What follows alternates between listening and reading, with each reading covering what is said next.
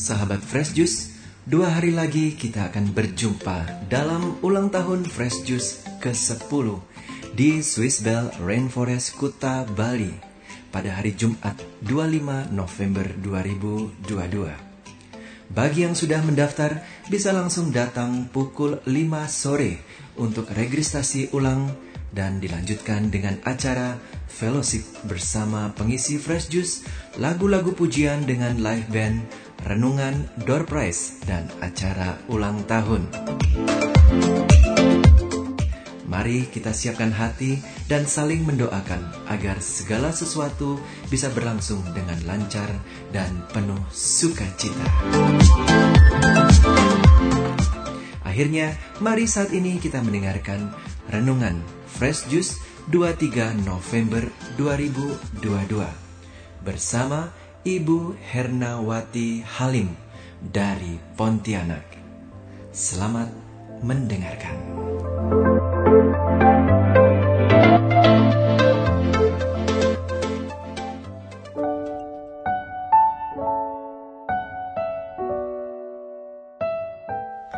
Shalom, selamat pagi sahabat-sahabat dari Fresh Juice yang terkasih dalam Tuhan kita Yesus Kristus. Puji Tuhan, berkat Tuhan dalam kasih damai sukacita dan sejahtera selalu tercurah bagi kita semuanya ya. Amin. Senang sekali bagi saya Herna dapat berjumpa kembali dalam renungan Daily Fresh Juice pada hari ini tanggal 23 November 2022 bersumber dari bacaan Injil suci menurut Santo Lukas bab 21 ayat 12 sampai dengan 19. Pada waktu itu, Yesus berkata kepada murid-muridnya, "Tetapi sebelum semuanya itu, kamu akan ditangkap dan dianiaya. Kamu akan diserahkan ke rumah-rumah ibadat dan penjara-penjara, dan kamu akan dihadapkan kepada raja-raja dan penguasa-penguasa oleh karena namaku. Hal itu akan menjadi kesempatan bagimu untuk bersaksi. Sebab itu, tetapkanlah di dalam hatimu, supaya kamu jangan memikirkan lebih dahulu pembelaanmu. Sebab aku sendiri akan memberikan kepadamu kata-kata hikmat, sehingga kamu tidak dapat ditentang atau dibantah lawan-lawanmu. Dan kamu akan diserahkan juga oleh orang tuamu, saudara-saudaramu, kaum keluargamu, dan sahabat-sahabatmu, dan beberapa orang di antara kamu akan dibunuh. Dan kamu akan dibenci semua orang oleh karena namaku. Tetapi tidak sehelai pun dari rambut kepalamu akan hilang. Kalau kamu tetap bertahan, kamu akan memperoleh hidupmu. Demikianlah sabda Tuhan. Terpujilah Kristus. Para sahabat Daily Fresh Juice yang terkasih, ada satu masa penganut Kristen di Rusia dikejar dan dianiaya. Mereka harus sembunyi-sembunyi untuk berkumpul dan berdoa. Satu saat, petugas rahasia berhasil menggerebek persembunyian dan menangkap sekumpulan orang Kristen yang sedang berdoa. Salah seorang di antaranya bernama Natasha. Seperti yang lain, ia diinterogasi, disiksa, kemudian dilepaskan, tapi diancam tidak boleh berkumpul dan berdoa lagi. Selang beberapa waktu, sekumpulan orang Kristen kembali digerebek beberapa kali dan Natasha selalu termasuk di dalamnya. Sehingga terakhir ia disiksa dengan sangat keji dan dibuang ke tempat kerja paksa. Sejak itu tak pernah terdengar namanya lagi.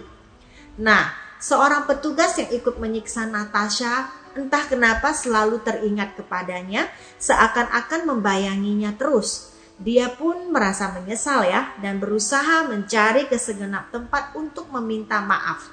Namun ia tidak pernah menemukan Natasha lagi.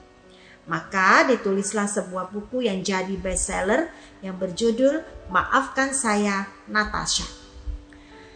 Kisah seperti Natasha banyak menghiasi lembaran sejarah gereja perdana.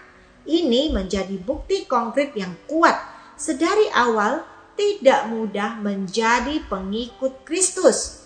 Namun, gereja kita tetap kokoh, tidak pernah hancur oleh penganiayaan dan penindasan. Coba sejenak, ayo kita bayangkan. Bagaimana kalau kita yang dikejar-kejar seperti Natasha? Bagaimana suasana hati kita?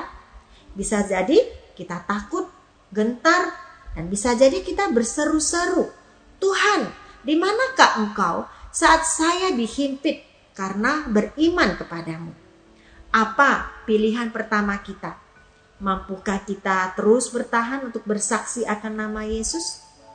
Kalau tidak sanggup lagi harus bagaimana? Menyerah dan kalah?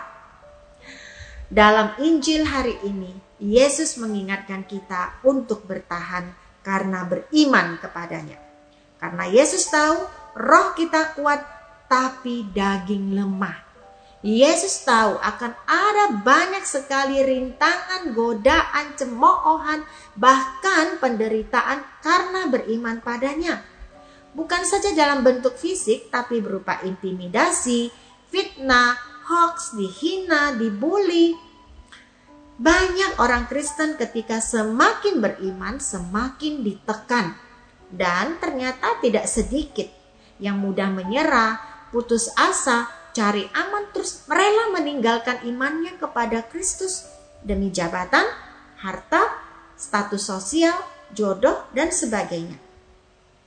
Ada satu pengalaman saat saya bertugas di pedalaman dan tentu menjadi kaum minoritas karena berbeda agama ya.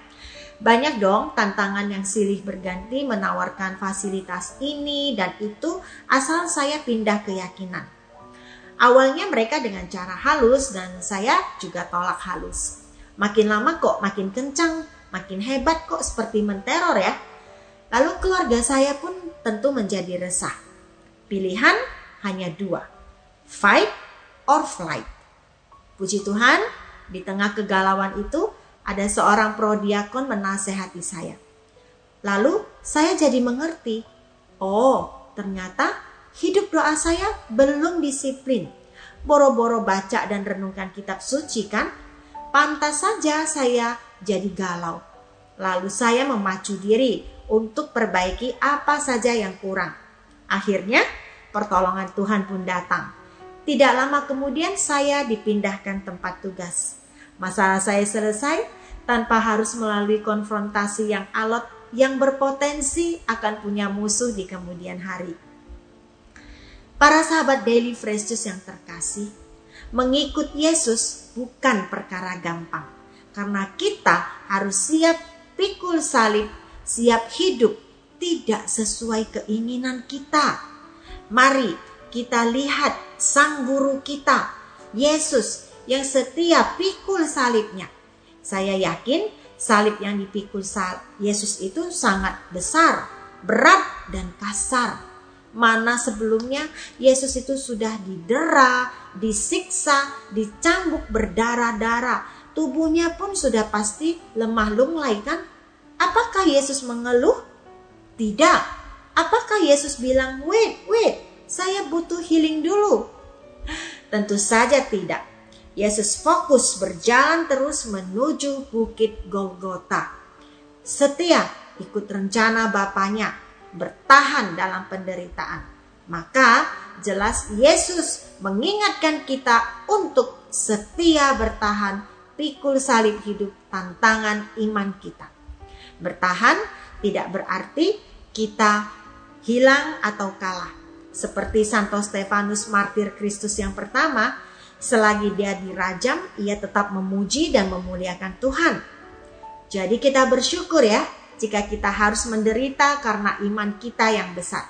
Karena di baliknya tersedia rahmat besar loh untuk turut merasakan sedikit saja penderitaan Kristus.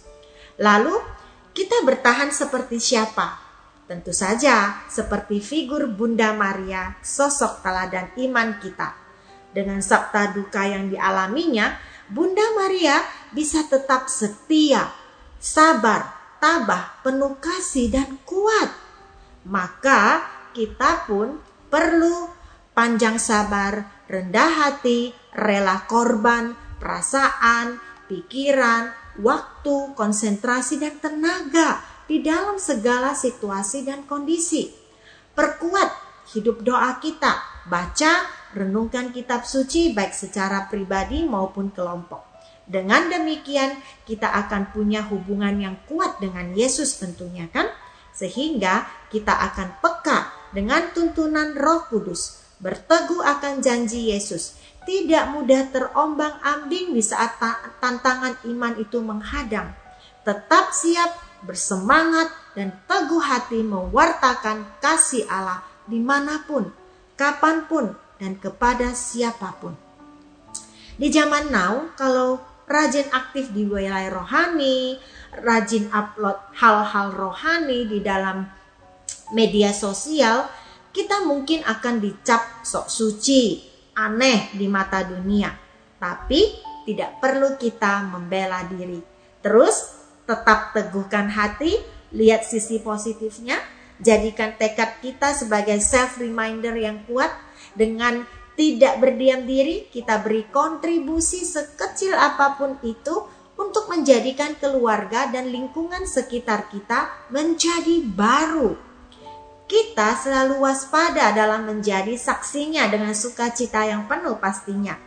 Tulus seperti merpati, namun cerdik seperti ular. Bukankah Allah juga membekali kita dengan akal budi, hati nurani, dan pengendalian diri, bukan?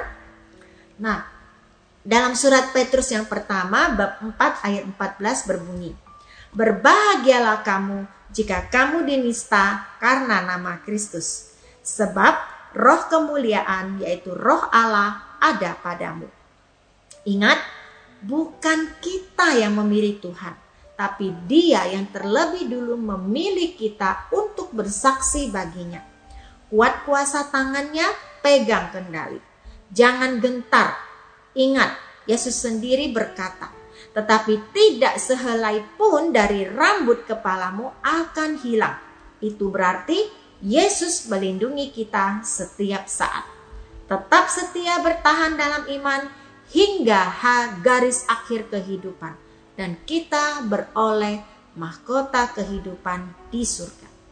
Santa Gema Galgani mengatakan, jika kita benar-benar ingin mencintai Yesus, pertama-tama belajarlah untuk menderita karena penderitaan mengajarkan kita untuk mencintai.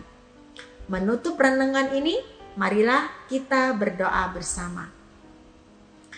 Yesus sahabat kami, hiburlah kami dalam setiap penderitaan yang kami alami karena beriman kepadamu. Kuatkanlah kami agar kami tetap setia pada setiap tugas perutusan kami dalam iman dan pengharapan yang teguh. Amin. Dalam nama Bapa dan Putra dan Roh Kudus. Amin. Roh Kudus memampukan Tuhan Yesus memberkati kita semua. Sahabat Fresh Juice, kita baru saja mendengarkan Fresh Juice Rabu 23 November 2022. Saya Yofi Setiawan beserta segenap tim Fresh Juice mengucapkan terima kasih kepada Ibu Hernawati Halim untuk renungannya pada hari ini. Sampai berjumpa kembali dalam Fresh Juice edisi selanjutnya. Jaga kesehatan, tetap semangat, dan salam Fresh Juice.